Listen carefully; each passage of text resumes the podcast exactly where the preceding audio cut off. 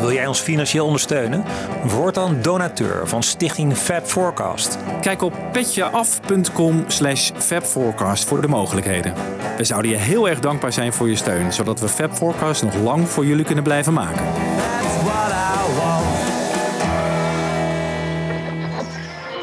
Ladies and gentlemen, The Fab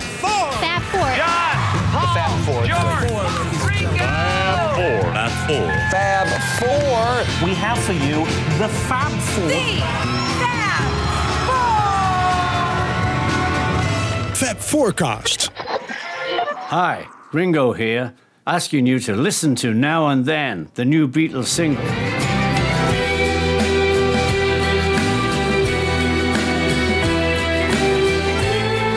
Forecast. Ja, beste luisteraars, eh, een nieuwe aflevering van de Fab Forecast. Een hele bijzondere, eh, want dat gaan we zo vertellen. Maar in Utrecht zit Wiebo! en in Den Haag zit. Goedemorgen allemaal, Michiel hier. Ja, en in Hilversum zit Jan Kees.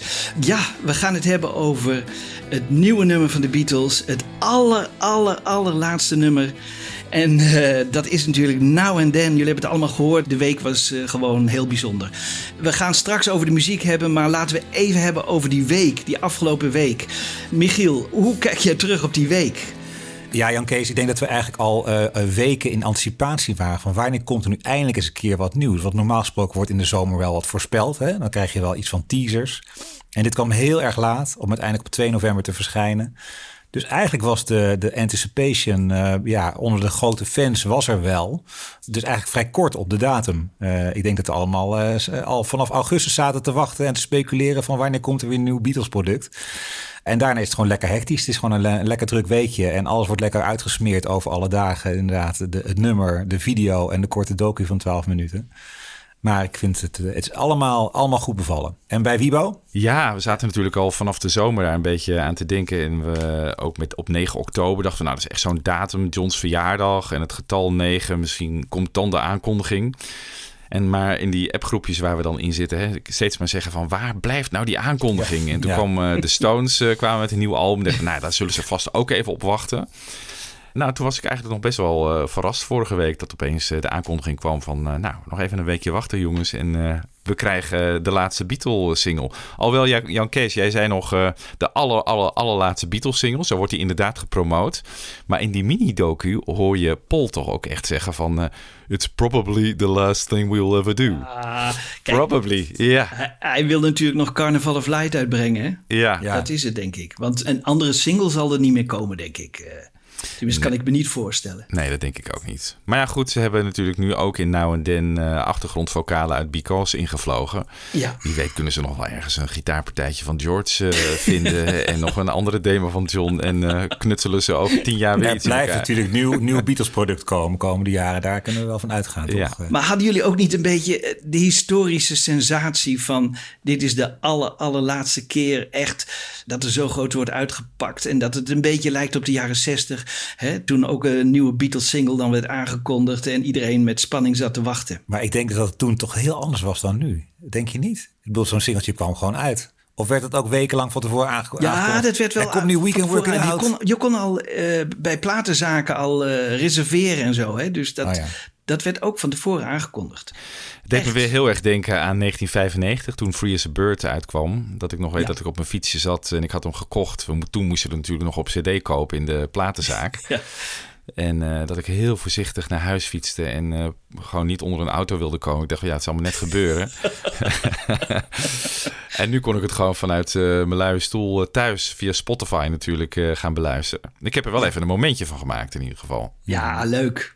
En toen kregen we ook nog een keer, jongens, die video. Vertel even, wat was jullie eerste reactie op die video? Welke bedoel jij? Die documentaire of de... nee, de officiële video, hè? De, op Ja. vrijdag. Nou, Wiebo, vertel jij eerst eens. Nou, nee, wacht even. Jan Kees, vertel jij eerst eens even. Ja, inderdaad. Nou ja, ik, ik, dat vond ik echt geweldig. Ik, ik heb daarvan genoten. Ik moet wel zeggen, John maakt wel heel veel grappen erin. Maar het is heel knap gedaan. Het is ongelooflijk knap gedaan. Ze hebben een mooie opname gemaakt. Bijvoorbeeld John Lennon die in de verte kijkt. Met, met, eh, Ja. Alsof je door zijn bril meekijkt. Het is echt, er zit zoveel in.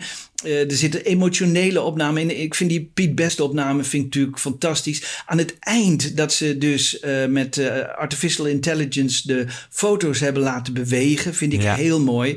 Echt, dit, dit is weer een stap verder. En ik, ik ja, Peter Jackson, echt complimenten hoe hij dat heeft gedaan. En ze hebben George en John er echt bijgehaald en je mist ze niet in de video. Dus dat vind ik al heel knap gedaan. En natuurlijk, je kunt op details wel kritiek hebben, maar over het geheel genomen, ik denk dat het uh, een zeer geslaagde video is. Ja, ik, ik denk dat ik Free as a Bird mooier vond als video, omdat er zoveel in zit. Dat blijft een eindeloze ja. kijkfascinatie, uh, die clip. Maar het is wel mooi gedaan. En inderdaad, uh, je gaat er dan vanuit dat Peter Jackson... die moet natuurlijk selecteren van wanneer heb je John... die goed recht de camera in kijkt, die scherp in beeld te brengen is. Dat is misschien niet eens zo heel veel beelden heb je daarvan. Of je moet meteen weer naar Let It Be gaan. Maar hij kijkt hier, hij, hij, ja, hij, hij ziet eruit alsof hij een van de vier is gewoon. En dat is gewoon heel knap geselecteerd. Een beetje ja. goofy. En ik was zelf vooral geraakt door de oude beelden van Paul en George... Uh, die uh, met nou en dan meestrummen in, in 94. Ja. dat, ja. ja. Ja, ja. Die, die oude beelden, die zitten natuurlijk ook veel in de docu van 12 minuten van de Threetles, zeg maar. Dat vind ik heel erg mooi. Ja, ik vond de video ook heel erg mooi. Um, ik schrok wel heel erg van de trucage dingen. Dat je op een gegeven moment uh, de oude Paul en Ringo... die niet eens in dezelfde ruimte staan. Je ziet duidelijk dat nee. Ringo erin uh, ingeplakt ja. is. Ja. En natuurlijk ook George en John. Ik dacht van, oeh, dit vind ik wel op het randje of zo. Maar goed, bij een tweede in welke keer... zin, Wibo? In welke zin op het randje? Ja, dat ik het uh, te artificieel vond. Waarom zou bijvoorbeeld niet er een beeld kunnen zijn van Paul en, en Ringo... die samen in de studio zitten bij dit nummer? Dat is toch wel een beetje gek? Ja. Ja, omdat Ringo gewoon... het helemaal zelf heeft opgenomen. Hè? Weet je, het is het laatste Beatles-nummer. Dan kan je toch gewoon samen een keer ja. een dagje in, uh, ja. op de wereld af. Ja. Maar goed, hij heeft de drumpartij ook gewoon thuis opgenomen ja. zonder ja, daarom, Paul. Dat, dus het is allemaal van afstand. Iedereen heeft zijn eigen bijdrage eigenlijk van afstand uh, geleverd. ja, ja dat, daar moest ik heel erg aan wennen. Ik, als ik het nu zie, denk ik van oké, nou ja, ik ben er nu wel aan gewend. Maar toen ik het voor het eerst zag, dacht ik van oeh, vond het bijna een beetje goedkoop of zo. Ik weet niet. En het, ik vond dat John te veel goofy uh, deed. Uh, in de, ook bij het orkest, weet je wel, dat hij dan achter de dirigent dingen staat en de hele tijd maar een rare beweging maakt. En ik snapte de redenering van Peter Jackson dat hij in dat middengedeelte gewoon wel wat komische dingen, hè, wat lucht wilde, wat komische dingen. Want het is natuurlijk allemaal heel erg zwaar, laatste Beatle nummer en zo. Maar dat had ik dan liever met, uh, met oude beelden gehad. Of even John, even die goofed. Of en dan wat, wat oude uh, grappige beelden uit de jaren zestig. Met z'n allen. Die zijn er ook genoeg. Ja, dat vind ik op het randje. Maar verder, uh, ja, hele ontroerende beelden. Bijvoorbeeld wat jij ook zei, dat begin dat John in de verte kijkt met die zonsondergang. En dat daar een heel klein beetje dan de Beatles uit 63 dan te zien zijn. Dat vond ik echt een heel ontroerend moment. En het eind. Uh, ook dat ze dan buigen en dat ze dan hè, uitveden. Dat je dan alleen nog de Beatles ziet staan. Dat vond ik Ja, een heel mooi. mooi, einde. Ja. Heel mooi. Nou jongens, het was allemaal heel groot nieuws en uh, het werd natuurlijk uh, internationaal, nog uh, voordat de, de, het nummer verscheen, werd er al internationaal heel veel aandacht aan besteed. Hey everybody, welcome back to the program. I am so incredibly excited because today is the day that we get a new Beatles song. After an exhausting wait, Now and Then will be released on Thursday, November the 2nd. The band is set to release a final song later this year. The whole group reuniting Paul, Ringo, George, and even John with the help of artificial intelligence. Da berührt die neue mit KI produzierte Beatles-Platte mit dem original eingesungenen Song von John Lennon sicher mehr die Gefühle der Fans. Und die werden auch über den Erfolg entscheiden, KI hin oder her. I've been uh, waiting for this to happen all morning long. A brand new and a final Beatles song is now out online. Ähm, es geht darum, dass man mit äh, künstlicher Intelligenz jetzt also den letzten, aber den wirklich allerletzten, also aller, aller, allerletzten Beatles-Songs auf den Markt, der allerletzte Beatles-Song soll auf den Markt kommen mit künstlicher Intelligenz. Tonight, breaking news. This is Now and Then. I know it's true. That song released tonight. It's all Groot nieuws was het, hè? Echt overal. Ik werd ook door mensen gewoon aangesproken van... hey, uh, heb je het al gehoord? En uh, echt, iedereen weet het. Ja. ja. Ja, het is echt overal voorbij gekomen. Ja, en mijn dochter, uh, die is elf jaar. En die, zit op, uh, die kijkt altijd het jeugdjournaal op school. En die vertelde, ja, het was zelfs op het jeugdjournaal. Dus we kunnen daar een heel klein stukje van laten horen. Misschien heb jij nooit van ze gehoord, maar je ouders sowieso wel. De Beatles, een wereldberoemde band die 50 jaar geleden was gestopt met muziek maken. Tot nu, want vanmiddag is er een nieuw liedje uitgebracht. Ja, dit vind ik dus ook zo grappig, hè, dat ze zeggen van ja, ik weet niet, jullie zullen de Beatles vast niet kennen of niet van ze hebben gehoord, maar jullie ouders wel. en eh, eh, dat geeft ook weer een inkijkje in, eh, in de generaties. Dus ook erg leuk dat het zelfs daar te horen was. Ja, ik zat ook met mijn zoontje te kijken daarna. Kijk, oh, nu komen de Beatles. Oh, oké. Weet je, die moet er niet zoveel van hebben, maar... eh, Zeg, ehm, nou ja, eh, laten we even een beetje eh, in de historische context zetten. Hè. Waar komt het allemaal vandaan? Hoe is het eh, gegaan? En daarvoor moeten we eigenlijk terug naar 1978, de Dakota Building, John in zijn household years. Hè. Het begon eigenlijk allemaal met een cassette eh, die hij maakte eh, op zijn Sony cassette recorder. Was wel overigens wel een goede cassette recorder hoor. De duurste in die tijd eh, van Sony. 400 dollar kostte dat. Terwijl iemand in de maand 1000 dollar gemiddeld verdiende. Dus het was een, een goede cassette. Alleen er zat een ingebouwde microfoon in. En die was niet echt heel goed. En ehm, John had waarschijnlijk een soort apparaat in de buurt staan. Want er klonk nog een 60 hertz toon doorheen. Dus het was allemaal niet je van het. Nou ja, dit was een stukje uit de demo van John uit 1978.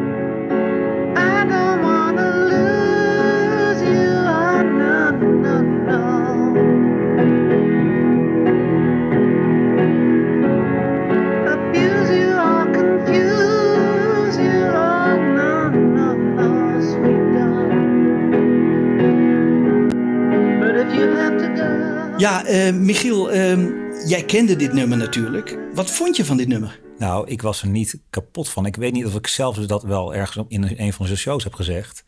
Dat ik wel een beetje kan invoelen wat George gevoeld moet hebben. toen de opname niet alleen matig was, maar het ook dit nummer was. Misschien niet de sterkste van de drie die op het tape stonden.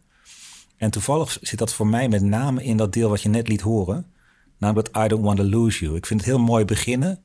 En dit is de middle eight eigenlijk. Hè? Ik vind die zelf minder sterk, dat I Don't Want to Lose You deel. Ik hoor daar nu ook wel geklaag over dat dat niet meer in de eindversie is, eh, zit. Hè? Dus in de definitieve versie. Maar daar zat voor mij een beetje de, de twijfel over de kwaliteit van het nummer. Maar even die vraag van jou net, Jan Kees. Je zei van, nou ja, wat vind je van het nummer? Dit was mijn indruk. Had jij ook een beetje die aarzeling als je het vergelijkt met, met Real Love en, en Free as a Bird? Nou ja, ik, ik, vind het op zich wel een aardig nummer. Maar ik dacht, dat is geen nummer voor het grote publiek. Hè? Dus dat is geen nummer waar, eh, waar je de hitparades mee bestormt of zo. Nee. Weet je, dit is Nee. niet meer... Dat was mijn twijfel. En ja, Mark Lewison die, ze- die zegt eigenlijk... Ja, het was zelfs door John Lennon niet eh, gewaardeerd. Luister maar even wat Lewison erover zegt. well, you know, listen again to the Lennon demo. It's it's unfinished. John himself didn't choose it for Double Fantasy or Milk and Honey. Never took it into the Hit Factory. It is basically a Lennon reject. It's not just Yeah. a Lennon song that you know didn't come out. It's a song he, he chose not to do, and he, he didn't even revisit it in demo form. It's really thin. You know, it, its history is basically that recording, and, and I'm not sure there might be one other, but what I'm, I'm not looking up the details here, so people can correct me if I'm wrong. But basically, it went no further after that first little splurge of demos that he recorded in, on that tape. Ja, maar ja, dat kan je ook zeggen van Free as a Bird en Real Love. Die nam je ook niet mee de Hit Factory in natuurlijk. Maar daar zijn wel Ja. meer demo's van. Dus daar is, Ja. is hij wel langer mee bezig geweest. Ja. Nou, ik moet zeggen dat ik die melodie altijd wel, eh, wel mooi vond hoor. Van eh Ja. Now and Then. Het is wel een oorworm. Ja, het is Wel, zeker eh, een oorworm. Ja. Maar vind je het niet een beetje gaan meanderen zo van I don't want to lose you. Ja. Na, na, na, na, na, na, na. Ik, vind dat een Ik ben het helemaal zo- met je eens dat het begin van het I Don't Wanna Lose You... dat dat wel echt heel catchy is. Maar goed, daar moeten we straks ook nog maar even over hebben. Want eh, Stefan Terpstra heeft er ook wat eh, ingestuurd daarover. Dus misschien moeten we dat even voor straks bewaren. Er is nog een reden waarom Paul dit nummer heel bijzonder vond. Want eh, in 1981 nam hij eh, een plaat op in Montserrat en daar nodigde hij Carl Perkins uit. Ja. En Carl Perkins die, eh, die schreef een nummer toen bij zijn afscheid My Old Friend. En daar zat een zin in van eh, My Old Friend, denk af en toe nog eens aan mij, eh, now and then. Ja. En daar was Paul heel emotioneel over. En toen vertelde Linda tegen Carl Perkins, ja, de laatste woorden die John per telefoon tegen Paul heeft verteld, zei: eh, My old friend, eh, think about me, so now and then. Ja. Dus dat is een extra reden waarschijnlijk waarom Paul heel graag ook dit nummer eh, wilde, wilde Ja. opnemen. Want hij vindt waarschijnlijk dat het ook op hem slaat. friend. Won't you think about me every now and then? Want het zouden de laatste woorden zijn geweest. Ik weet niet of het echt die hij tegen Paul gesproken heeft. Ja, tenminste, dat zegt Linda dan, hè? Ja. En er wordt ook wel eens gezegd hè, dat hij in 1978 voor het laatst met, eh, met John heeft gesproken. Dus eh, daar wordt ook verschillend over geoordeeld. Maar eh, er is een hele tijd geen contact geweest eh, voor zijn dood. eh. Nou ja, het zou dus ook kunnen zijn hoor, dat John naar aanleiding hiervan eh, dit gesprek misschien dat nummer heeft geschreven. Dat zou, zou ook nog kunnen, ja. Maar goed, dus, dat eh, blijft speculeren natuurlijk. dat blijft hè? speculeren. Dat het is is een mooi wel- verhaal. Nou ja, dan komen we op 1 januari 1994. Paul belt met Joko om eh, een gelukkig nieuwjaar te wensen. En die zegt, we gaan binnenkort de Anthology uitgeven. Het zou leuk zijn als we iets kunnen bewerken van wat jij nog in de kast hebt liggen van een onuitgebracht John-nummer. En zij zegt, oké, we zien elkaar over 19 dagen bij eh, de introductie van John eh, bij de Rock and Roll Hall of Fame. En eh, daar neemt ze dus eh, vier cassettes mee. Die eh, krijgt Paul allemaal en eh, daar gaat hij mee, eh, mee aan de slag. En een van die cassettes is dus Now and Then. Ja. Grow Old With Me staat er ook op. Die viel al gelijk af. Waarschijnlijk omdat hij al uitgebracht was. Waarom weten we niet. Het wordt ook wel gezegd, George vond het een te zoetsappig. Ja, en het gaat natuurlijk heel erg over John en Yoko, hè, dat nummer. Ja. Dus dat is misschien minder geschikt als Beatle-track. Dus dat snap ik wel. Dat ze dat eh, niet gedaan hebben. Dan wordt het eh, 1995 en eh, de Threetles gaan dus aan de slag in de studio. Real Love, Free as a Bird. En als derde zijn ze ook nog een hele dag bezig met Now and Then. En ehm, daar bestaat een opname van. Eh, ik hou het slag om de arm altijd bij die bootleg-opname. Maar dit is van een bootleg waar de andere opnamen wel allemaal goed van zijn. eh, van Real Love en, en Free as a Bird. Dus ik vermoed dat dit een, een werkelijke opname is uit die dag dat ze samen zaten te oefenen.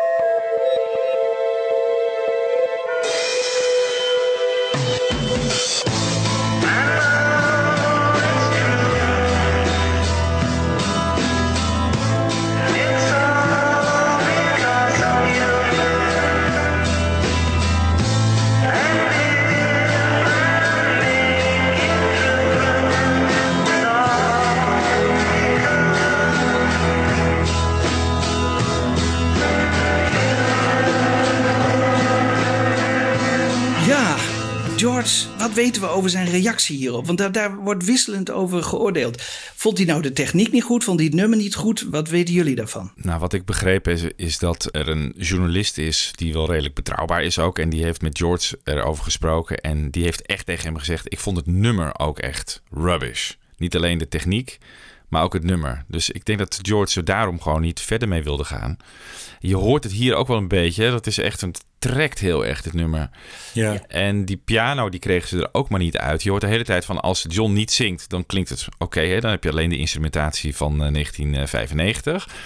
Maar zodra John begint te zingen, dan, rup, dan komt die piano mee. Dat klinkt heel raar. Dat heb je in Real Love trouwens ook, hè? Daarom ben ik ook wel echt benieuwd naar eh, dat ze Real Love opnieuw gaan doen. Met die Mel van Peter Jackson. Want dan kunnen ze die piano er helemaal uithalen. En bij Free as a Bird ook. Ja, dan kun je die stem veel mooier maken. Ja. Dus eh, dat gaan we ongetwijfeld nog wel eens krijgen bij een eh, relaunch van de Anthology. Ja. Maar ehm, ik snap George wel. Ik, eh, Ja. Hoe ik het nu hoor, denk ik van nee, dat, dat is een nummer dat niet echt eh, uitbrengwaardig is. Ik vind deze opname wel heel leuk die je laat horen, Jan Ja. Kees. Want inderdaad, je krijgt een heel leuk doorkijken naar... als Jeff Lynne aan de productieknoppen zou hebben gezeten... wat dan het ritme is, hè? Het wordt echt Ja. boep, Ja. Oh ja. boep, Ja. Ik, ja, te vergelijk dat eens met hoe het nu is geworden. Dit is toch Ja. zoveel beter. Veel beter. Veel beter geworden. Absoluut. Ja.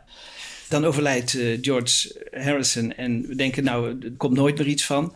En dan in 2012, eh, misschien kunnen jullie het ook nog herinneren, in die documentaire van Jeff Lynne, daarin zegt McCartney toch iets interessants. But there were three that we liked um, Free as a Bird, Real Love. And so those were the two that we did. And there was another one that we started working on, but George went off it. Hell, rubbish, this is. It was like, no, George, this is John. It's still fucking rubbish, you know. Oh, okay then. so that one, that one's still lingering around. So I'm going to nick in with Jeff and do it, finish it, one of these days. Wat zegt hij nou precies? I'm gonna nick in en do, eh, zegt hij nou van ik ga het met Jeff doen of niet? Eh, Ja, dat zegt hij ja. En dat heeft het gedaan wat dat betreft. Zeg, maar eh, Wibo, dit, dit versterkt wel jouw verhaal weer. Want George zegt natuurlijk niet, eh, dit gaat echt over de song. Hè? Want eh, Paul zegt, ja, maar het is John. Hè? Ja, dat is geen eh, reden natuurlijk dat het John is. John Hè? kon ook crappy eh, dingen maken natuurlijk. Ja, Precies. Oké, maar het gaat wel over de song. En niet over de techniek volgens mij. eh, Waar eh, George dan... de- Nee, ik denk het ene versterkt het andere wel. Ik bedoel, als het nummer al niet geweldig is, dan krijg je die technische problemen er ook nog bij. Hè? En dat telt bij elkaar op en dan zegt Ja. eh, George van, nou nee, dit ga ik niet doen. eh. En achteraf moeten we ook constateren dat het heel goed is dat het zo is gelopen, toch? Want stel dat ze dit wel hadden uitgebracht, dan had je dus een derde heel matige Beatles-track gehad. En nu wachten we even, hoe lang is het wel niet? Eh, 29 jaar. En Ja. krijg je iets wat veel beter klinkt. Ja. Ik kan me niet voorstellen, even om het zo op de spits te drijven, dat George zich in zijn graf omdraait als hij dit hoort. Nee, nee, dat denk ik niet. Hoewel, we, we komen er straks op terug. Zijn inbreng is wel heel weinig hier. is minimaal. nummer. Het is wel leuk hè, dat we weten natuurlijk niet wat George ervan zou vinden. Maar als je, ik heb nu die eh vinyl single eh, besteld en die eh, kwam gisteren binnen. En op dat eh, velletje daarvan staat wel een mooi eh, verhaal dat George had ooit een klok gekocht ergens eh, op Rhode Island in 1997 en daar stond op Now and Then. En eh, Olivia was eh, aan het bekijken in Friar Park ergens. En op dat moment gaat dus de telefoon. En het is Paul McCartney die dus eh, vraagt aan eh, Olivia van... ja, ik wil eigenlijk Now and Then eh, gaan afmaken. En Olivia echt van, nou, ik sta net met die klok in mijn hand waar Now and Then op staat. En zij denkt nu van, ja, dit is de manier van George geweest. Gewoon om te zeggen van, het is oké, doe het maar. Geweldig. Ja, ja mooi hè? Ja, heel en mooi. die staat ook op de achterkant van de hoes hè, van de single, die klok. Oh, wat een mooi verhaal. Ja, mooi verhaal. Nou ja, en dan zitten ze natuurlijk nog met die stem, hè? want op de originele cassette klinkt die echt heel beroerd. En inmiddels is, eh, is Peter Jackson aan het firmament gekomen en die heeft eh, ja, een mogelijkheid om stemmen te scheiden en alle instrumenten te scheiden van een monosignaal. Dus die wordt ingeschakeld. Kun je hier iets mee? Nou, hij kon er zeker wat mee, maar dat hij alleen het signaal eruit heeft gehaald en, en rechtstreeks eh, aan de man heeft geleverd, dat denk ik niet. Luister maar eens even naar hoe klonk dat eerst en hoe klinkt het daarna bij Peter Jackson.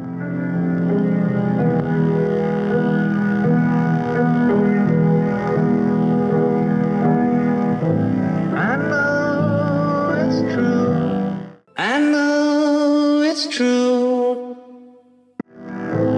It's all because of you. It's all because of you.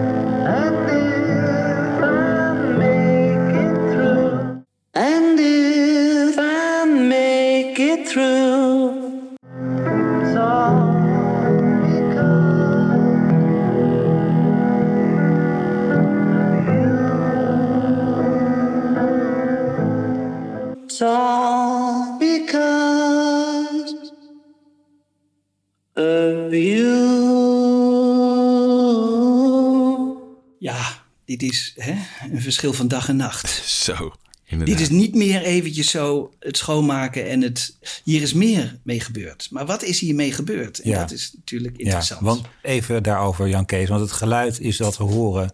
Er is niets met AI gedaan. Er is niks artificieels bijgehaald. En eigenlijk zeg jij van, nou, daar twijfel ik aan. Ja. Nou ja, laten we even luisteren naar professor Jeroen Doe van de Universiteit Leuven, dacht ik. En die legt uit wat er precies gebeurd is. De balans op die tape van John Lennon was een beetje problematisch. Namelijk, de zang en de piano waren samen opgenomen. Het is niet alleen zo dat men die heeft kunnen scheiden van de piano, maar ook mooier, voller, homogener heeft kunnen laten klinken. Dankzij de hulp van AI. En dan is het natuurlijk doordat de computer andere stemopnamen van Lennon heeft vergeleken en die natuurlijk die sound van die cassette recorder heeft opgewaardeerd als het ware. Maar je hoort nog wel een klein metaalachtig randje aan de klank en dat verraadt natuurlijk dat de klank oorspronkelijk ja, genomen is van een schrale cassette recorder, als ik het zo mag noemen. Wat hij dus zegt, Die computer van Peter Jackson, die heeft dus allemaal Lennon-opnames. En die kan die er zo uithalen dat hij zichzelf eigenlijk aanvult. En rijker maakt en mooier maakt, die stem. Hmm. Ik denk dat het zo gegaan is. Dus toch wel gewoon AI en niet eh, alleen maar schoonmaken. Ik heb niet het idee dat Ringo en Paul precies in de gaten hadden wat er nou. Techniek is prima eh, als de technici het uitvoeren en als zij er gebruik van kunnen maken. Hè. Ze hoeven niet te weten hoe het precies werkt. Paul McCartney weet nog steeds niet hoe ADT werkt en zo, weet je wel. Dus daar belt hij dan weer voor op. En dus, dus hij weet het niet, maar hij maakt er wel gebruik van. Het is wel interessant, wat we, laten we Paul even eh, Want wat, er ontstond een rel hè, in, in Beatleland. En ja, ze gaan nu gebruik maken van artificial intelligence. En eh, is dat nou wel goed en kan dat wel? Paul moest daar ook wat uitleg over geven. Hij maakt het niet echt veel duidelijker, maar het is wel interessant wat hij zegt. we were able to take John's voice and get it pure through this AI so that then we could mix the record as you would normally do. All of that is is kind of scary but exciting because it's it's the future. Ja, dus eigenlijk had Paul wel gelijk. Is er gewoon AI gelijk, ja. eh, gebruikt. Maar hij moest gewoon eigenlijk... Hij werd volgens mij na de hand gewoon zijn mond eh, gesnoerd. Van, hey Paul, dit had je niet moeten zeggen. Ja, hij is dat- denk nou, ik te dat eerlijk ik geweest. Ja. Ja, Ja. Ja, overigens, hij vertelde geloof ik in juni al hè, tegen een plaatselijk station, ik geloof in Australië of zo, van, eh, dat ze wat gingen uitbrengen. En dat moest toen teruggetrokken worden, mocht niet uitgezonden worden. NPL Ah, heeft dus eh, zelfs Paul McCartney een stokje voor gestoken. En jullie weten nog, we hebben een uitzending eraan gewijd, eh, een extra, eh, dacht ik, over die eh Juliette Penn, die komiek uit Amerika, die eigenlijk heel veel wist uiteindelijk. Hè? Die in de studio was bij Giles Martin. Ja. Die had een mooi verhaal over Ringo bijvoorbeeld. Dat- dat Ringo gevraagd was door Giles Martin, maar dat hij helemaal geen zin had in, in eerste instantie. Laten we even horen wat die Gillette daarover zei. Then Giles called Ringo and said, Would you play drums on this new Beatles track? And Ringo said, I don't want to. And Giles said, which I love, You're the drummer for the Beatles. This is the last time you'll ever be asked as the drummer for the Beatles to play drums with the Beatles. and Ringo said, Okay, I'll record it here at my house. Dat voor een mooi verhaal, hè? Ik denk echt dat het waar is, want maar Ringo zelf, hè, nu in die documentaire, heeft een heel ander verhaal. Die zegt het volgende. Paul called me up and said he'd like to work on uh, Now and Then. What do you think? I think it's great. So he put the bass on, he sent the files to me, I put the drums on. Ja. Dit is natuurlijk voor het verhaal weer beter, hè? Ja, ja tuurlijk. Ja, ja. wel leuk hoor, dit inkijkje zo. Want, eh, Nou, het een sluit het ander niet uit. Hè? Het kan een gesprek zijn geweest tussen Ringo en die kerel. En de eerste was, was Ringo aarzelend. En twee dagen later wordt hij opgebeld door Paul. En Paul zegt van nou, gaan we dat gewoon doen? Eh, Het is wel eens vaker zo hè, dat Ringo eh, wilde eigenlijk nooit op heropnames van Beatles. hè, jij noemde, dacht ik, Give My Regards to Broad Street. daar wilde hij ook niet op de Beatle-nummers van Paul eh, meespelen. Nee. Hij is er altijd heel huiverig voor geweest. Dus het kan best. En dat Paul hem eh, moest overhalen om. eh, ja. Goed, jongens. En dan komen we al dichter bij de dag dat het uitgebracht werd. En eh Wiebo had het leuke idee om eh, ons alle drie iets in te laten spreken. Wat onze verwachtingen waren van het nummer. Dus je hoort alle drie. Wat denken wij vooraf, toen we het nummer nog niet hadden gehoord, van hoe zal het worden? Ja, met Now and Then hebben we natuurlijk een beetje de rare totstandkomingsgeschiedenis... dat het nummer al een keer met George en Jeff Lynne aan de productieknop is opgenomen. Maar ik verwacht eerlijk gezegd dat die opname helemaal in de prullenbak is beland... en dat Charles Martin met een hele schone lijst samen met Paul McCartney is begonnen... waarbij ze wel echt maximaal recht willen doen aan de de, de sound van George. Althans, ze zullen willen proberen hem echt te laten horen, herkenbaar te laten horen. Maar niet met hele vette slidegitaar. Ik hoop ook niet met zo'n logge Ringo drum, zoals toch een beetje op Free as a Bird zat. Maar ik hoop echt iets wat heel erg organisch en samen klinkt. Dus een, ja, een hopelijk echt mooi afgerond eh, en ja, authentiek klinkend Beatles nummer... dat niet echt meer een heel erg duidelijke verwijzing is naar de sound van 1994. Hooggespannen verwachtingen dit keer. En eh, ja, ik kan eigenlijk niet wachten, jongens. Ik kijk er zeer naar uit. Ja, mijn verwachtingen bij de single zijn eigenlijk hoger gespannen dan destijds bij de Anthology. Dus ik ben heel benieuwd eh, hoe het is. Ook hoe, welke score eh Giles Martin heeft gemaakt. Ik ben ook wel blij dat Jeff Linde er niet meer zo mee te maken heeft. Die drukt toch ook altijd zijn stempel erop. Ik ben ook benieuwd naar eh, de invloed nog van George Harrison. Ik vermoed dat die minimaal is. Dus er zijn een aantal dingen die ik wel heel erg spannend vind dit keer. En ook omdat het echt de laatste single zal zijn. Goed, de blauwe en de rode. eh, daar verwacht ik iets minder van. Alhoewel de eerste, waarbij we de mono-opname voor het eerst in goed stereo horen. Love Me Do, eh, Twist and Shout. Ik hoop ook dat de stemmen een beetje gescheiden zijn. Dat zou heel mooi zijn. En dat we dus kunnen genieten van weer prachtige. Althans, dat hoop ik prachtige, want dat is niet altijd zeker bij, eh, bij Giles. Prachtige Atmos-opname. nou, ik hoop echt ja, op iets bijzonders. Dus eh, de verwachtingen zijn hoog. Ja, het is nu woensdag half vijf. Nog eh, vier uurtjes en eh, de twaalf minuten durende docu gaat in première. Even kort mijn verwachtingen. Ja, ik vind het allemaal heel erg spannend. Ik ben echt benieuwd of ik net zo ontroerd raak van nou en dan als destijds met Free as a Bird. Ik ben met name benieuwd naar de kwaliteit van de stem van, van John. En eh, wat daar na eh opknapbeurten van over is gebleven. En als het echt zo kraakhelder klinkt als ik eh, om me heen hoor en op internet lees. Eh, de slidegitaar van Paul, een soort tribute aan George, heb ik gelezen. Heel benieuwd naar. En of zijn oude Mecca-stem van nu eh, erin voorkomt, ben ik ook wel benieuwd naar. Eh, ja, ik heb gelezen die, eh, die backing vocals uit Here, There and Everywhere, Eleanor Rigby. Hoe die erin gefietst zijn. Oeh, dat vind ik nogal wat hoor. En of er extra geschreven stukken zijn in het nummer. Want eh, ja, de demo van John was natuurlijk niet helemaal af. Dus eh, ja, hoe ze er een compleet nummer van hebben gemaakt. Spannend, spannend, spannend. Ja, de spanning eh, werd topgevoerd. Weet je dat het geheim gebleven is? Hè? Want wij spraken Ron Bulters. En die had bijvoorbeeld eh, de single al op woensdag, had hij hem al binnen.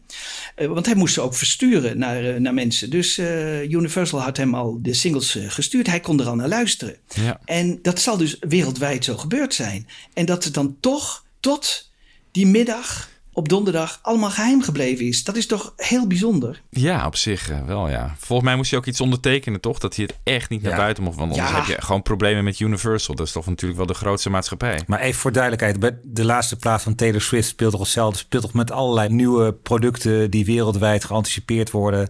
Dat je geheimhoudingsclausules en enorme boeteclausules moet ondertekenen.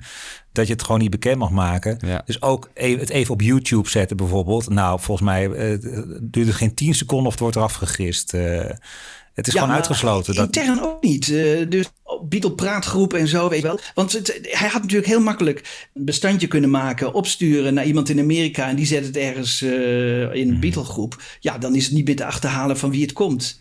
Maar ik, ik heb het idee dat iedereen het toch wel ook wel leuk vindt Ja, dat het dan op dat moment echt uitkomt. En ze willen het feestje waarschijnlijk niet bederven. Dat is de enige eh, reden waarom wat ik zou kunnen bedenken. Ja, ik werk Ja. natuurlijk bij de radio en ik kan hier vanuit huis gewoon in het eh, muzieksysteem van, eh, van Radio 2. En ik eh, Ja. had 's ochtends al eens even lopen kijken, want stel het er al Ja. in. Ja. Maar niet hoor. En echt Nee, om half drie heb ik het ook nog gecheckt. Ja? Ook niet, stond er niet in. Nee. Dus ze hebben zich daar ook echt aan de regels gehouden. Want ze dachten ook van ja, straks gaat het eh, via een medewerker of zo, gaat het dan toch naar Ja. buiten. En dan zitten wij met gebakken peren. Oh ja. Dat hebben ze echt goed. En wie, wie zet dat er- erop, Wibo? ja, dat is een muziekredactie, hè? Die krijgen dat. eh En die hadden hem eerder? Weet ik niet of die hem eerder hadden. Maar in- Oh. er stond in ieder geval niet in het systeem. En ook de mail van Universal, daar ben ik dan ook op geabonneerd hè, met nieuwe releases.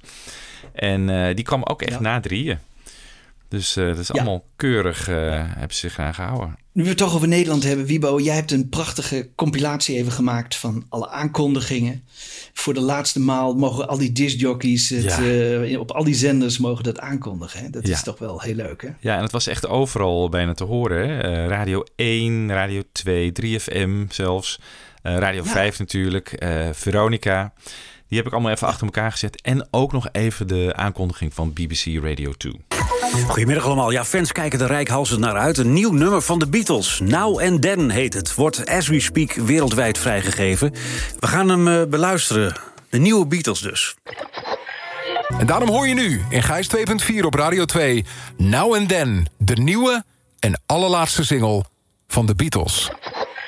Dit is de nieuwste single van de Beatles. Ik had nooit gedacht dat ik het nog een keer zou zeggen op de radio. Now and Then op 3FM. En dat ik dit ooit nog mocht zeggen. Ik ben er ontzettend trots op. En ik heb ervan gedroomd. Daar gaan we dan. Dit is Now and Then, de nieuwe single van de Beatles.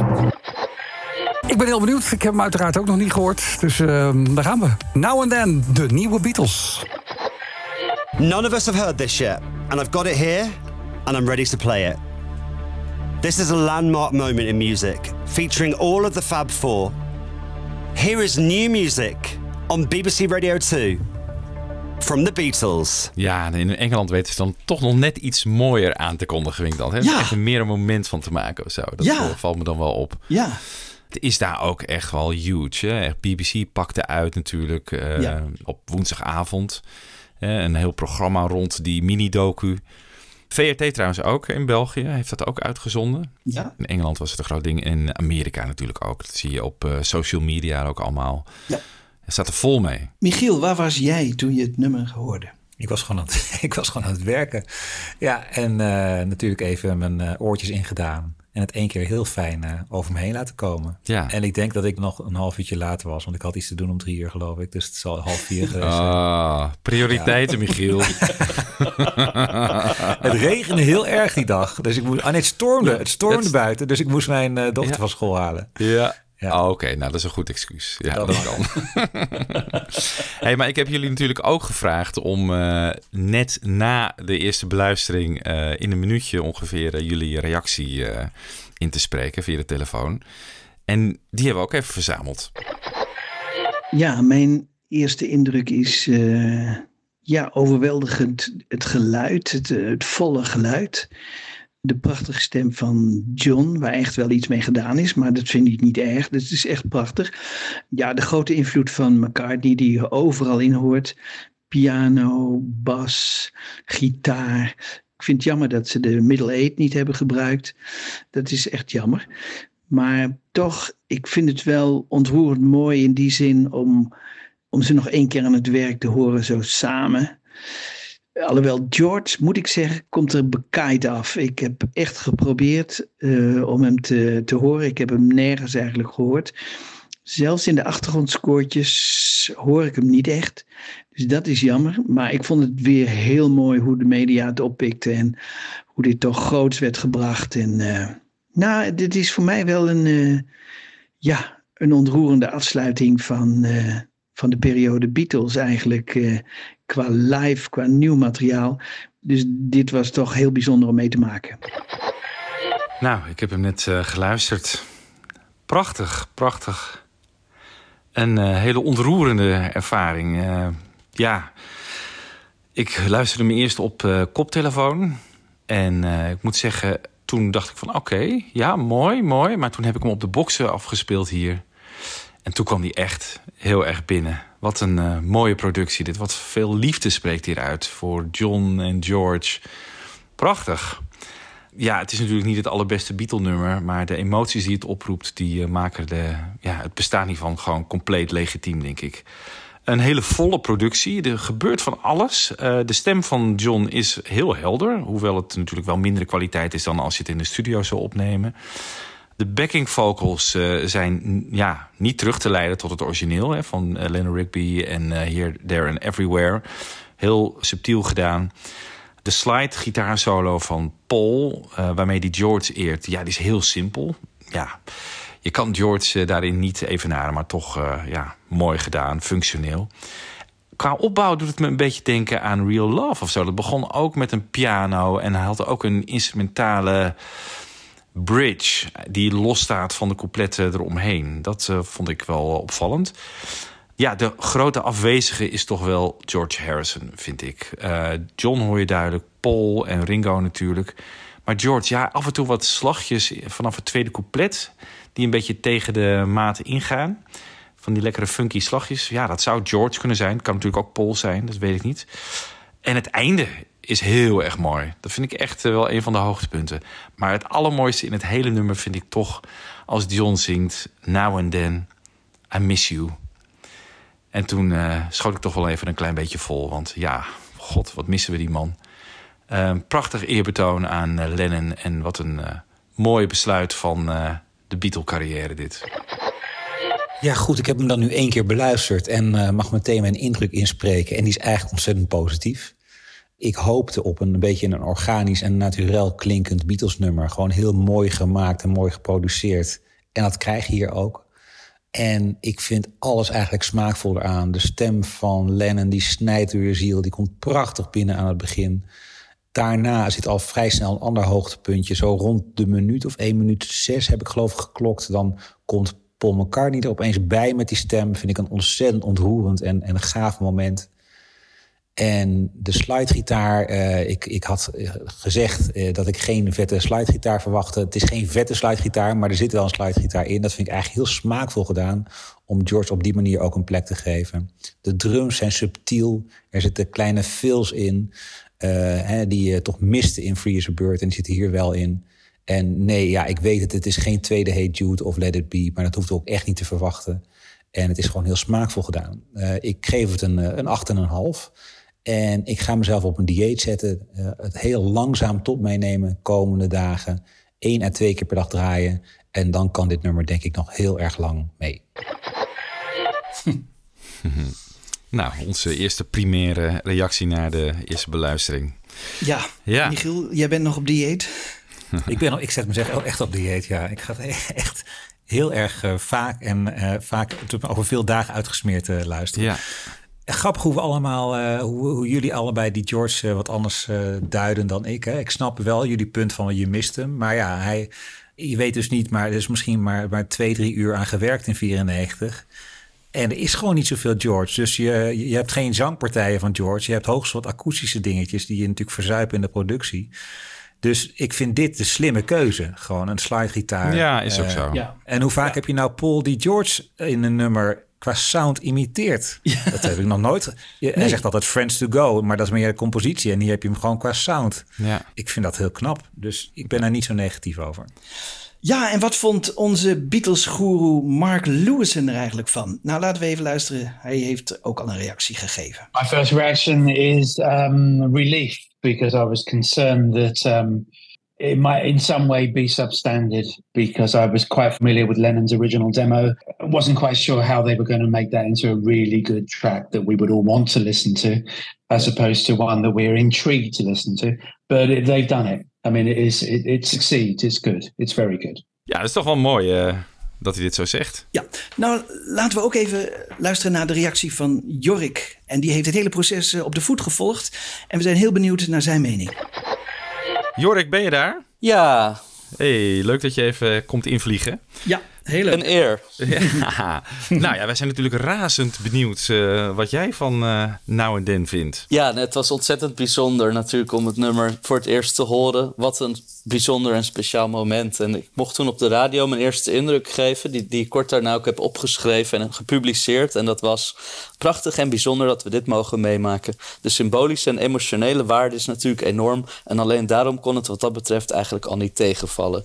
Een waardige, moedige en charmante poging van twee 80-plus legendes om een rudimentaire schets van een oude vriend af te maken. Daartegenover staat dat het liedje zich wat mij betreft textueel, melodisch, harmonisch en productioneel niet kan meten met de enorme hoeveelheid klassiekers uit een rijke oeuvre. En de reuniesongs in de jaren 90 konden dat wat mij betreft zeker textueel, melodisch en harmonisch wel. Ruwe diamanten die geslepen moesten worden. Maar voor nu is het tijd om het liedje nog eens op te zetten. En nog eens. Oké, dus wel in- inderdaad een kritische noot. Jij vindt niet dus dat het naast Free as a Bird en Real Love eh, kan staan eigenlijk? Nee, nee, zeker niet. Nee, dat, dat vind ik echt composities die, ja, die behoren echt tot de top van Lennon's oeuvre als componist. Die zitten zo vernuftig in elkaar. Goede teksten, prachtige melodie, hele interessante harmonische vondsten. Ja, en, en daar was hier geen sprake van. Op de demo was er een interessante harmonische vondst, maar die is er natuurlijk uitgesloopt. Ja, vind je het jammer dat die eruit is gehaald? Of begrijp je het ook wel? Ja, nou ja, het refrein werkt zonder de pre-chorus of bridge gewoon veel minder goed, vind ik. Het had veel te lang geduurd totdat het refrein kwam wel dan. Want nu zitten we al op 1 minuut 10 als het refrein komt, wat voor Beatle-begrippen al niet enorm snel is. Want ze waren natuurlijk meesters in compacte, economische popsongs. Ja. Maar een, re- een refrein in G vanuit het couplet in A-mineur vind ik gewoon een beetje lomp op deze manier. En de bridge creëerde een soort spanning die werd ingelost door het refrein. En dat effect is nu weg. Maar wel was de bridge natuurlijk wat lang in John's demo en. Was de tekst niet af. Want anno 2023 gaan ze niet John Lennon een liedje laten zingen over use you or abuse you. Maar ik vind het wel belangrijk om te vermelden dat de huidige structuur, vermoedelijk los van de instrumentale bridge met slide solo en het slot, al in 95 bepaald is. Want op de uitgelekte lyric sheet met aantekeningen eh, zien we dat eigenlijk al. En om terug te komen op het economische, had ik ook de slide solo persoonlijk wat ingekort. Want nu hebben we twee maten D mineur, twee maten C, twee maten D mineur. Ja, en dan had ik eigenlijk na één maat C een maat D groot gedaan. En dat had het geheel iets vlotter gemaakt. En van daaruit kan je zo wel mooi naar het couplet gaan, zoals nu, als naar het laatste refrein. Maar wat ik ook heel mooi vond wel in die bridge, dat is dat eh, tijdens de solo in de vijfde maat de strijkers de melodie van I Don't Wanna Lose You spelen in een andere toonsoort. want, die ak- Ja, want die akkoorden D mineur en C, die zijn eigenlijk hetzelfde als de eerste helft van John's Bridge, maar dan in een andere toonsoort. Hmm. Bij hem was het vies mineur naar E. Dus dat vond ik nog wel leuk om even op te merken. Ja, dus het zit er eigenlijk wel in, maar dan heel subtiel. Ja, exact. Ja. En ja, ik weet niet, een paar andere observaties waren... Ja, het strijkersarrangement vind ik prachtig. Ik vind dat Paul eh, niet een goede dag had eh, qua stem toen hij het inzong. Nee. Ik vind Ringo's keuze voor rimclicks om in te vallen op de drums teleurstellend. Gewoon niet zo smaakvol, niet zo krachtig. En op 12 en 13 seconden van het nummer in het intro... dan horen we volgens mij op de akoestische gitaren... koptelefoon bleed van de manier waarop Ringo... met een klassieke Beatleske feel lijkt in te komen. Moet je maar eens even, even op inzoomen. Dat klinkt echt geweldig.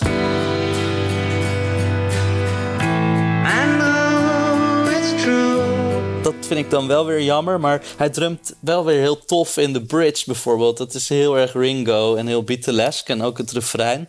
Dus dat vind ik heel gaaf. En ja, ik vind het ook leuk dat er eigenlijk veel meer aan het nummer gewerkt is in 95 dan Jeff Lynne en McCartney destijds en de jaren erna hebben laten blijken. Ja. Eh, want er is misschien niet zo heel lang aan het nummer gewerkt, maar toch best wat voorwerk gedaan. Want in de um, tracksheet van de nieuwe single, de- dat inlegvel wat erbij zit, ja, daar krijgen we allemaal nieuwe informatie. En als je dat dan samenvoegt met wat we al wisten, dan hebben ze in 95 het volgende al gehad. Liedzang van John, hier en daar gedubbelde zang van Paul, achtergrondzang van Ringo, een drumcomputer, een baspartij van Paul, akoestische slaggitaar door George en Paul, elektrische gitaar door George en shakers door Paul en Ringo. Dus het is niet zo dat ze alleen maar hebben gerepeteerd met drums, piano en akoestische gitaar zoals in die videoclip. Ze hebben best wel al iets geprobeerd. Ja, hey, en die elektrische slag hoor je op een gegeven moment in het eh, couplet dat na het eerste refrein komt. Hè, hoor je zo'n eh, zo'n funky slagje. Zou dat George zijn, denk je?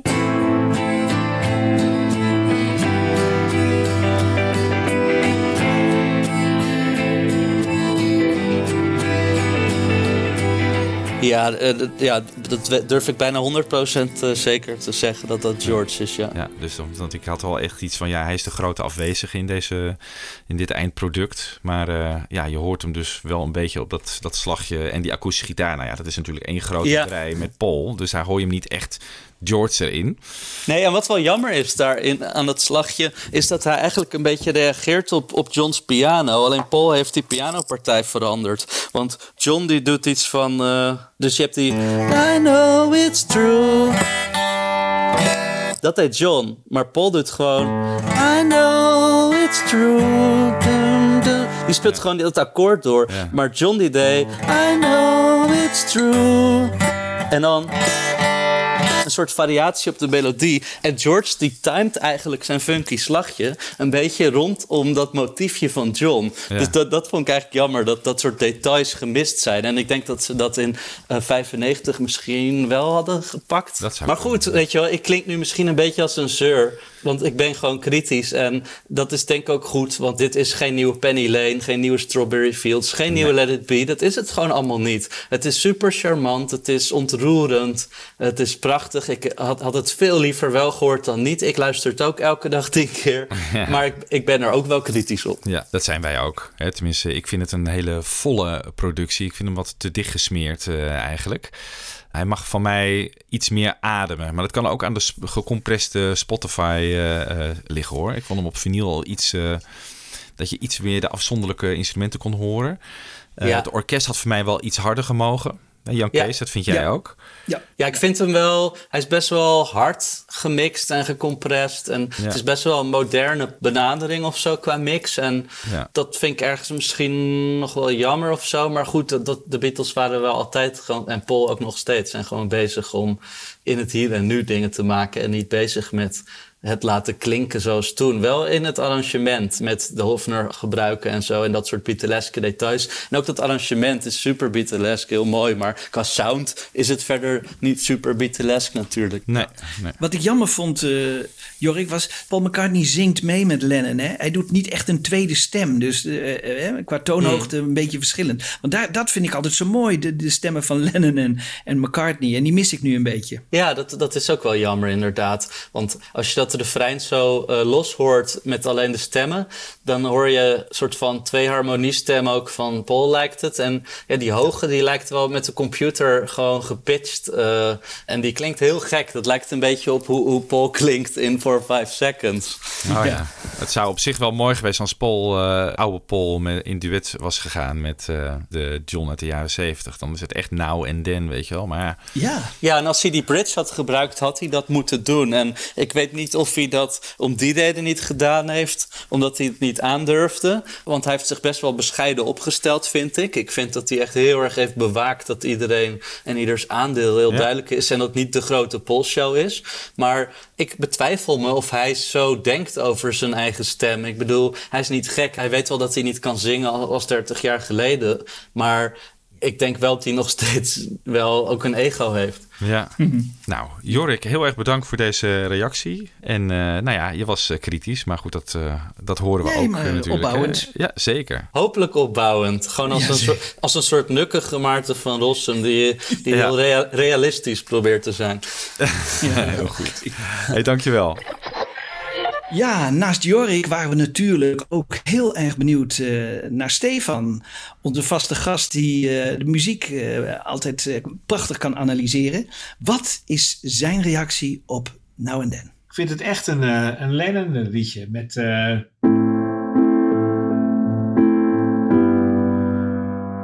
die klank bijvoorbeeld, je hoort een A mineur.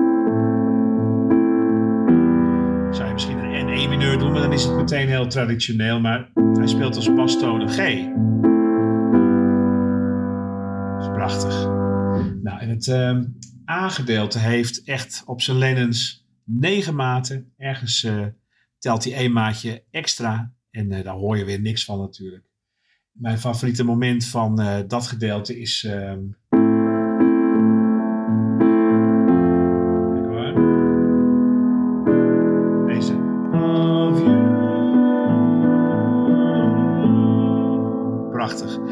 En dan naar het B-deel is een echte eh Lennon-modulatie zonder enige aankondiging. Bam, nieuwe toonsoort. Dan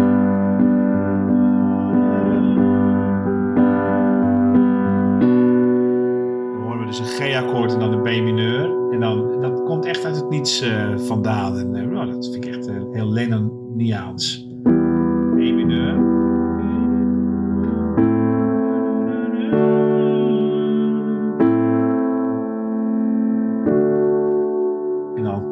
Weer. Het, liedje is trouwens qua vorm echt eh, volgens het eh, boekje. Het is eh, een couplet. Couplet. Nou, laten we dan het B-deeltje maar even refrein noemen. Nou en dan. Dan weer A-deel, dan weer een B-deel. Die is iets korter. En dan een, ja, een soort brug. Ja, dat is gecomponeerd op een later moment. Want dat maakt natuurlijk helemaal geen deel uit van de demo die ik wel eens heb eh, gehoord. Maar ik vind het wel mooi gedaan. Ook opvallend zijn de strijkers. Echt eh, een arrangement in, eh, laten we zeggen, de, de geest van George Martin. Ik vind dat ze dat wel mooi hebben gedaan. Ik had het wel beter willen kunnen horen in de mix. Het is een beetje, een beetje zacht. Dat, ja, als het piano wat eh, zachter had gestaan en de strijkers wat harder, had ik wel gewaardeerd. Maar ja, de pianopartij die je hoort, is, die zal wel door McCartney ingespeeld zijn. En die hoor je luider. En eh, ja, wel smaakvol gedaan, maar ik had liever meer eh, strijkers eh, gehad. Ook omdat het echt een prachtig arrangement is. En, mooi gedaan. Het coda. Helemaal op het eind.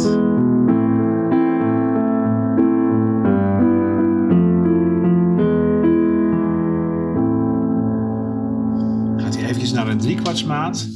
En dat moet wel het werk van Sir Paul geweest zijn. Want het is echt zo'n eh, Paul McCartney-achtig eh, eind. Heeft het wel vaker, eh, dat hij in één keer de laatste twee maten ineens ja, buisklokken, andere maatsoort. Maar in ieder geval, lang verhaal kort. Ik vind het prachtig gedaan. En ja, het is knap dat Lennon met nou ja, vrij weinig akkoorden toch echt een, een Lennon-achtig liedje kan neerzetten. Hij heeft er niet zoveel voor nodig. Dus vind het een geslaagd project. Ja, dat is een mooie analyse van Stefan. En wat we hem ook gevraagd hebben, daar refereerde ik eerder al even aan, aan dat I Don't Wanna Lose You gedeelte. Dat dat dus niet gebruikt is in het eh, eindproduct. Ja, de middle eight, hè? Is dat Ja, eigenlijk? middle Of een tweede middle eight? Ja, en ik vond dat eigenlijk wel opvallend, want ik, ja, ik vond het altijd wel een heel mooi stukje uit die demo. Alleen het begin, we hebben het er al over gehad. En ik vroeg Stefan eigenlijk om- even wat in te spreken, om te zeggen van zijn mening daarover, van dat hij begrijpt waarom die bridge of die middle eight eruit is. Eh, of het misschien ook weer te veel was hè, in het nummer. Want je hebt natuurlijk al dat Now and then I miss you. Dat is natuurlijk ook al een soort Ja. met bridge refrein. En als je dan ook nog een aparte bridge ingooit, die niet helemaal af is. Ja, misschien is dat dan ook wel iets te veel en is het gewoon eh, een goed besluit geweest. Maar even Stefans eh, visie daarop. In de demo heb je ook nog eh, het I Don't Wanna Lose You deel. Dat is dit, hè? I don't wanna lose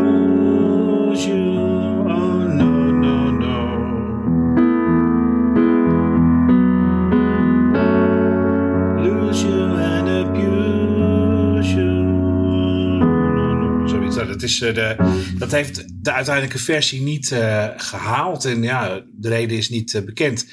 Misschien ja, toch Kill Your Darlings. Hè, het liedje duurt nu rond de vier minuten. En dat is voor eh, 2023 eh, ontzettend lang. Hè. Liedjes op Spotify die veel gedraaid worden, duren allemaal twee minuten. Wat wel grappig is, vind ik, is dat op de demo speelt Lennon dus Vies mineur en E. En in de brug die het in de uiteindelijke versie staat, wordt gespeeld D mineur en C. En ehm, ja, die verhouden zich eh, op dezelfde manier eh, met elkaar als eh, die andere twee akkoorden. Dus maar ja, weet je, ze hadden niet eh Lennon's stem kunnen pitchen of zo. I don't wanna lose you.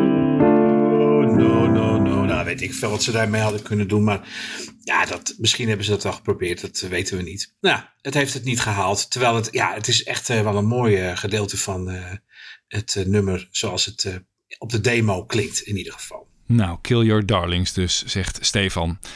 Ehm, ondertussen zijn er op internet alweer knutselaars bezig geweest... die die middle eight van I Don't Wanna Lose You er heel vakkundig in hebben geplakt. Luister maar eens even.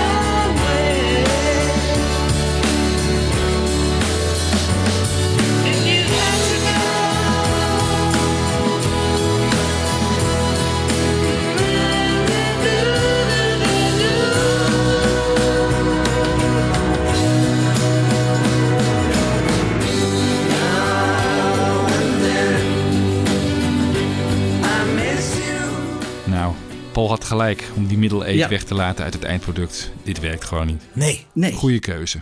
Ja. Nog even over het uithalen van die middle eight. Ik heb daardoor eigenlijk het gevoel dat het een echte Lennon en McCartney compositie is geworden. Want natuurlijk is het McCartney geweest die heeft gedacht van ja, dit werkt niet. Ik kan me niet voorstellen dat dat een artistieke beslissing is van iemand anders. En het nummer staat natuurlijk gecredit op alle vier de Beatles, wat ik best gek vind. Hè. Ze hebben het allemaal gecomponeerd. Het is een Lennon, McCartney, Harrison, Starkey compositie.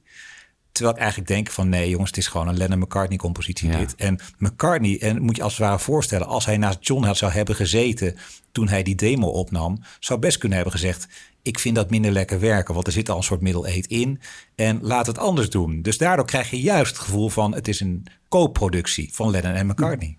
En dat maakt eigenlijk ook dat ik eigenlijk vind dat het op Lennon, ik bedoel, het kon natuurlijk niet uit politieke overwegingen dat je het de Lennon-McCartney compositie noemt, maar ik vind het heel gek om George hier als co-componist bij te zetten, terwijl hij zo op het nummer afgaf. Ja, ja hij heeft eigenlijk niks bijgedragen eh, creatief Nee, gezien hieraan. is politiek, hè? Is ja, politiek. natuurlijk is politiek. Maar ja. we hebben het eh, B-kantje Love Me Do, een Lennon McCartney compositie, een van de allereerste.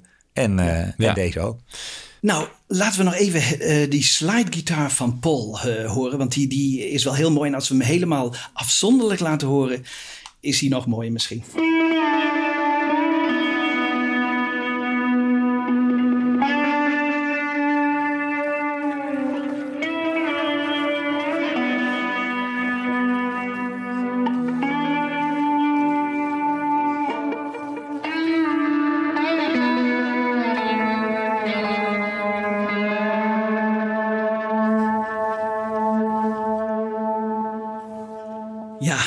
Was eh Paul's ode aan eh, George. Ja, mooi om dat zo kaal te horen. Heel mooi. Mark Lewison zegt eigenlijk ook... George kwam eigenlijk iets eh, te weinig eh, aan bod. There isn't enough George on it, but what can be done about that? I mean, I don't know that he was much on the recording from 95. Um, we know that he wasn't in favor of doing it and left the session. And I've read, because I'm only familiar, same as anybody else, with all the information that's been released, that he is on there playing rhythm guitar. But you don't often hear the rhythm that clearly anyway, because there's a lot going on. So, yeah, George is not on it enough, but what can you do? Overigens, het is wel grappig. eh, toen George nog leefde werd er gevraagd van... hoe zou John het hebben gevonden... dat jullie zo met die cassettes in de weer zijn gegaan? Zou hij het eh, leuk hebben gevonden? I think he would like it. In fact, I said to them, I, I hope somebody does this to all my crap demos when I'm dead. Make them into hit songs. nou, Paul kan nog wel even door. Ja. My crap demo's, heerlijk. dat is echt weer George, hè? dat is zo leuk. Zo Heel leuk, ja.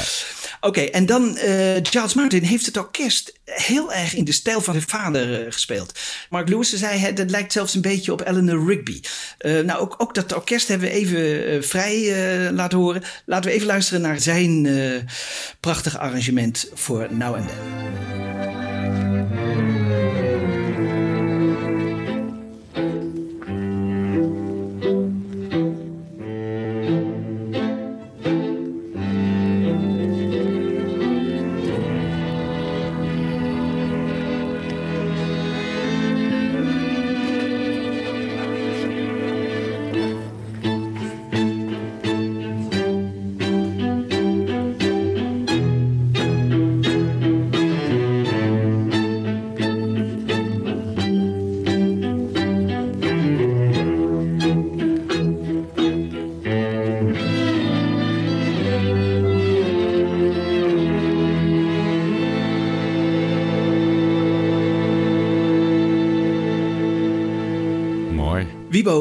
Hebt nog een aardige quote van een van de mensen van het orkest. Hè? Vertel even.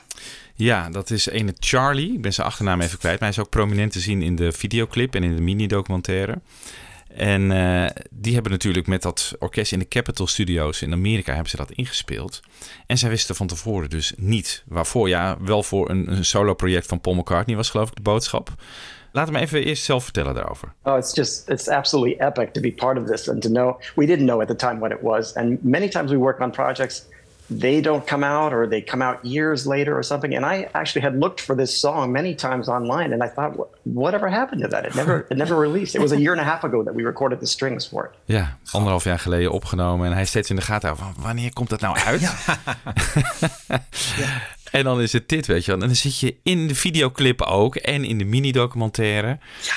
Nou, dat is gewoon, eh, ja, dat lijkt me wel echt epic wat hij zegt, ja. Ja, heel mooi. Volgens mij moet het nummer dus al twee jaar geleden begonnen zijn of zo. Hè? Dat ze toen al met, met het nummer bezig zijn gegaan. Ja, nou net na de release van eh, Let It Be, denk ik, hè, rond die tijd dat dat, eh, dat MEL, die eh, machine... machine Assisted Learning, toch? Machine Assisted Learning. Ja. Dat Ja. apparaat, dat is natuurlijk in Get Back, eh, in die eh, documentaire, heel veelvuldig gebruikt. En toen heeft Peter Jackson natuurlijk ook I've Got a Feeling eh, geïsoleerd voor de concerten Oh, van. Paul. Met Ja. hetzelfde apparaat. En nu dit. Dus ik denk, ik verwacht wel dat we nog wel meer gaan krijgen hoor, hiervan. Ja, hè? Eh, ja ik, heb, ik roep altijd de Star Club. Dat zou heel mooi zijn. Oh ja, ja. Nou, als je hoort dat ze van zo'n crappy John demo al een heldere John Lennon stem kunnen krijgen. Nou, maak je borst maar nat. Dat gaat Ja. komen. Leuk. In een eerdere uitzending die wij hierover maakten, die eh, vertelde die Gillette Penn, die vertelde ook iets over de backing vocals. Dat vond ik ook wel, wel heel interessant nieuws. Then they had an outtake from Because. Because the world is round. It blow. They had an outtake from that, which had George, Paul, and John singing together in a chord. They took that chord, changed the key, Oh my god. and had that be their backing vocals. Ja, na mijn allereerste beluistering zei ik van... Ik hoor niet precies eh, waar Because in is gekomen. Het is heel subtiel gedaan allemaal. Maar bij nadere beluistering hoor je wel degelijk dat Because... eh, eh, hè, van, ah, dat gedeelte hoor je er duidelijk in. Dus ik, bij nadere beluistering hoorde ik toch wel dat waar Because zit. Maar Here, There and Everywhere hoor ik niet zo heel erg goed, moet ik zeggen. En Ellen Rigby zit er sowieso niet in, wat, wat ik eerder noemde. Maar dat is volgens mij niet Nee. gebruikt. Laten we even luisteren naar een stukje backing vocals.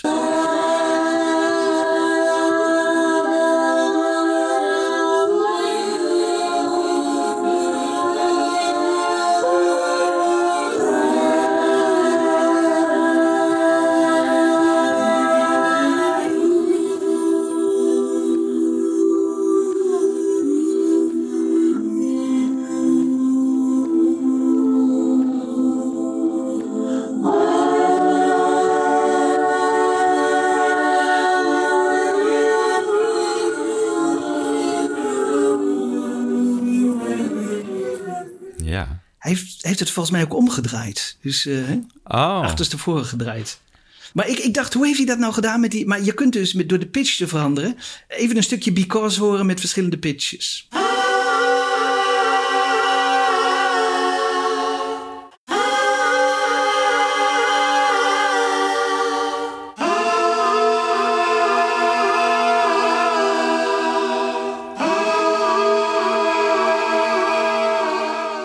Ja. Je kan er verschillende kanten mee op natuurlijk. Je kan ja. er verschillende kanten mee op. Hè? Ja. Zeg, en, en nu gaan we bijna afsluiten. Michiel, eh, zijn er nog dingen die jou bij nadere beluistering zijn opgevallen bij het nummer? Dat je dacht van, hé, hey, dat eh, Nou. tijdens jouw dieet, dat je denkt van, nou ja, eh, dat zou anders of dat is heel mooi. Of... Ik heb mijn indruk al ingesproken, dus ik heb geen groot wensenlijstje. Ik heb wel dat ik een alternatief einde heb bedacht op het nummer. Misschien kunnen we die even laten horen. Libo.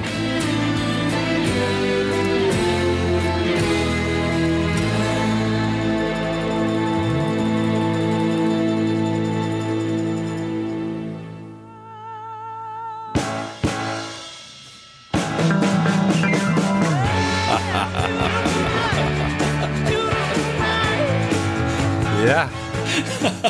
Briljant. We moeten meteen een mail sturen naar Paul.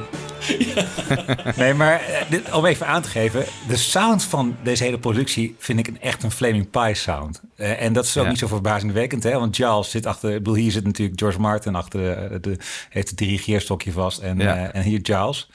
Maar het doet me er gewoon heel erg aan denken. Het had zo op Flaming Pie gekund, het nummer. Qua productie en hoe het is uitgesponnen. En eh, dit zit eigenlijk in mijn achterhoofd zodra ik het eind hoor wegvallen. En, en dan plukt Paul nog even aan zijn bas. Dat doet Ja. hij natuurlijk ook in Beautiful Night. Ja. Dus eh, Ja, het is natuurlijk heel erg de sound van Paul die in zijn Ja. eigen studio eh, bezig Ja. is. Dit is de sound van Paul solo eigenlijk. Precies. Vanaf de jaren negentig een beetje. Dus eh, Ja. daarom is het ook wel heel erg een Paul-productie geworden, het eindproduct. Nou, dat einde, daar hoor je Ringo iets zeggen. Hè? Oh ja. Volgens mij zegt hij You won. Oh, you won? Ah, dat is toch weer een Beatle-geintje. Dus, Versta ik in ieder geval. Maar het is heel zacht inderdaad. Heel zacht, hè? Ja. Heel zacht, maar wel interessant. Ja. Zeg, eh, niet alleen Michiel heeft iets gefabriceerd, maar jij ook, eh, eh, Wibo. Ehm, Ja. Jij hebt een soort alternatieve mix gemaakt. Kun je er iets over vertellen? Ja, nou, ik heb weer met mijn eh huistuin en keuken AI online tool de track er doorheen gehaald. En die scheidt dan de vocalen, de bas, de drums en dan een kanaal Other. Waar dus dan de piano, de akoestische gitaar en het orkest in zit. En ik dacht van ja, ik ga gewoon eh, een, een leuk mixje maken. Dat je alleen bijvoorbeeld John en de piano hoort in het begin. En dat de drums op andere momenten invallen. Of alleen de zang en de bas tegelijkertijd. Of eh, het orkest, piano en zang. Weet je wel, dat soort, daar heb ik een beetje mee gespeeld. En heb ik een, eh, een mixje van gemaakt. Dus dat leek me een mooie manier om deze aflevering af te sluiten. Goed. Laten we nog even vragen aan ieder van ons welk cijfer hij deze productie geeft. Ja. Michiel, jij als eerste. Het zat dus al in mijn, mijn bespreking. Ik geef het een 8,5. Oké, een 8,5. En jij, Wibo? Ik geef het een, ehm, een 8. Oké. Ja, ik geef het een 8. Heel smaakvol gedaan dit. En eh, ja, het is, eh, ik vind het mooi dat we dit hebben. Het had in deze versie, eh, misstaat het niet naast Free as a Bird en Real Love. Nee. Dus eh, nee, hartstikke mooi. Ik geef het een 8 plus, dus dan zit ik er tussenin. Kijk. Zeg, eh, we sluiten hiermee af en eh, we zijn heel benieuwd naar eh, de bijzondere mix van Wibo. En die wordt even ingeleid door Paul McCartney himself. Hello there, Paul McCartney here, and I'd like to play you something a little bit magical, a little bit special. It's a new Beatles single written by John Lennon, played by John, Paul, George, and Ringo. It's a new single, and it's called Now and Then. Hope you enjoy it. If you don't, too bad.